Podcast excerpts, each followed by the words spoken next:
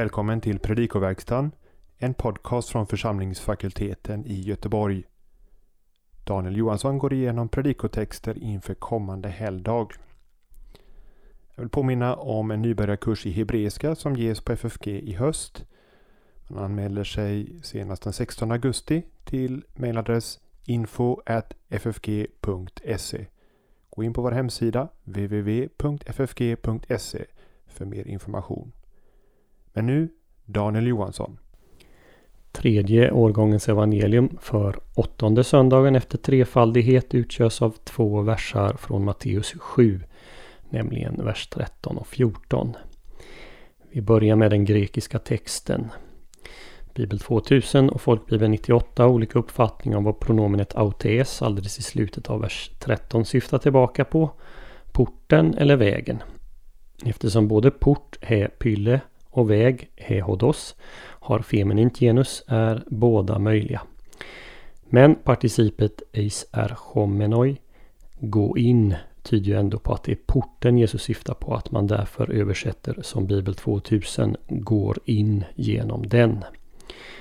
Folkbibeln 2015 har korrigerat till den här senare översättningen.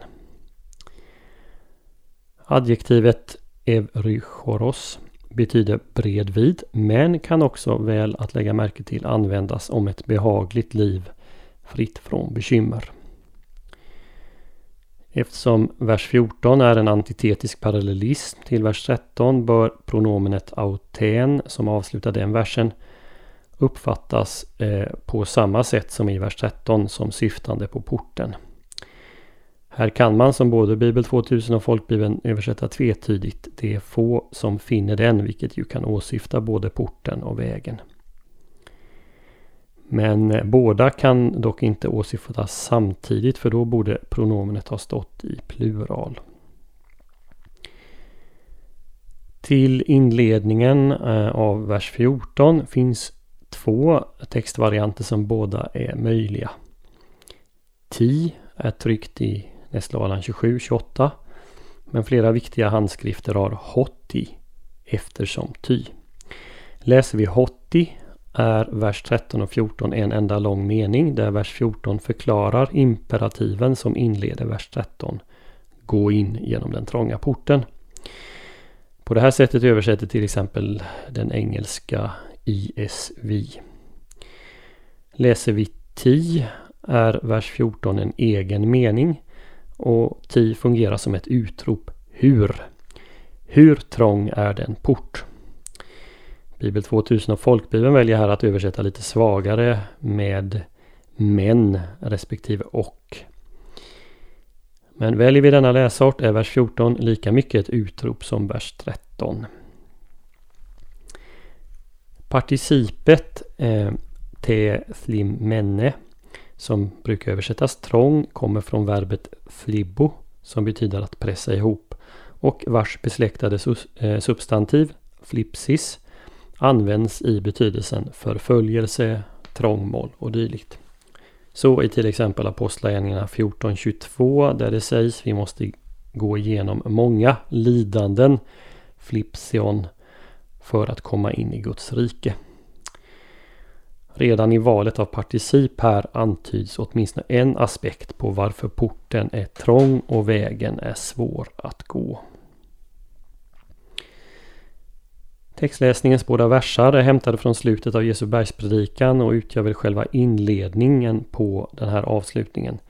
Tillämpningen och den talar om två vägar genom att kontrasterar en rad par som portar, vägar, senare profeter och hus. Himmelriket har kommit in i världen genom Jesus men likväl kommer det att bli motstånd både för Jesus själv och hans lärjungar. Guds rike är inte helt som man har förväntat för Jesus kommer att behöva gå till Golgata och hans lärjungar att bära kors. Jesus har redan i bergspredikans inledning förklarat de saliga som lider för hans namns skull.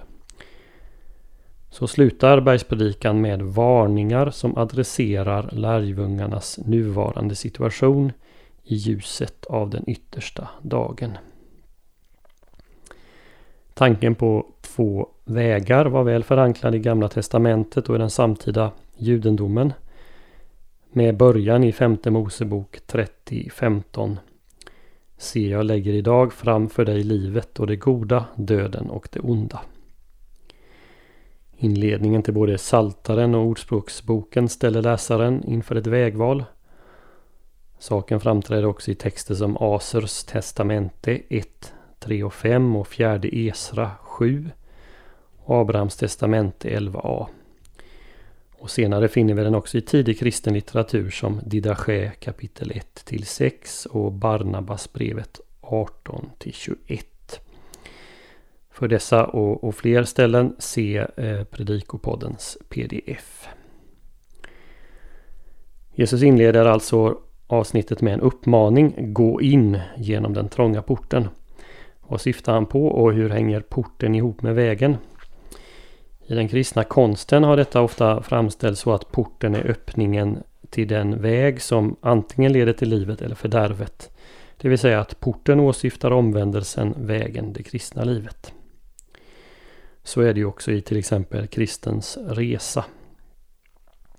Men man kan lika gärna förstå beskrivningen på omvänt sätt så att säga. Det vill säga att porten är det som leder in till livet respektive fördärvet. Och att vägen är det som leder fram till denna port. Den vanligaste uppfattningen bland kommentarerna nu för tiden tycks vara att det är fråga om synonyma uttryck. Dels en port in till livet, dels en väg till livet och så vidare. Jesus skulle alltså ha använt båda parallellt för att understryka allvaret i det han säger. Bakgrunden till det Jesus varnar för tog det här vara den utbredda uppfattningen bland judarna att de skulle bli frälsta i kraft av sin härstamning från Abraham. Här kan vi ju jämföra till exempel med Johannes döparens ord i Matteus 3.9 och Jesu varning i Lukas 13, 22-30. Men samma varning riktas nu till lärjungarna och Jesu efterföljare. Det är ju därför orden har tagits med i evangeliet. Det räcker inte med att säga Herre, Herre, varnar Jesus lite senare i kapitel 7. Det räcker inte att höra orden, man måste göra efter dem, avslutar han bergspredikan. Vad är då den smala vägen och den smala porten? I närkontexten måste det syfta på Guds vilja så som Jesus framställt den i bergspredikan med början från 5.17 och fram till 7.12. Att hålla sig till Jesus innebär att det ställs krav och det innebär risk för lidande. Hån, förföljelse, lögn. Att man säger allt ont om de som följer Jesus. Just därför att de följer honom och hans undervisning. Men lönen är större än mödan. Gläd er och jubla, för er lön är stor i himlen. På samma sätt förföljde man profeterna före er, säger Jesus i predikans inledning. Målet är livet, själva himmelriket. För den som väljer den enkla, behagliga lösningen, vilket de flesta gör enligt Jesus, är slutet fördärvet, vilket svarar mot Gehenna som Jesus nämnt i bland annat Matteus 5, 29.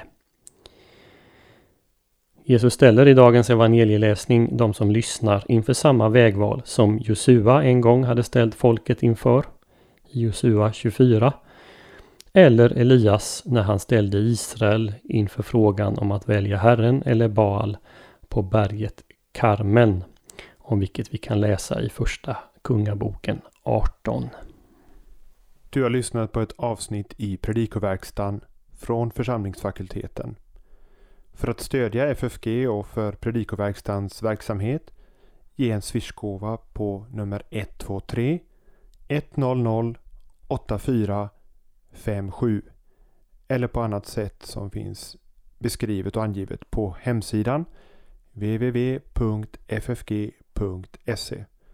På hemsidan hittar du också information om aktuell verksamhet och resurser som det är fritt att ladda ner och ta del utav.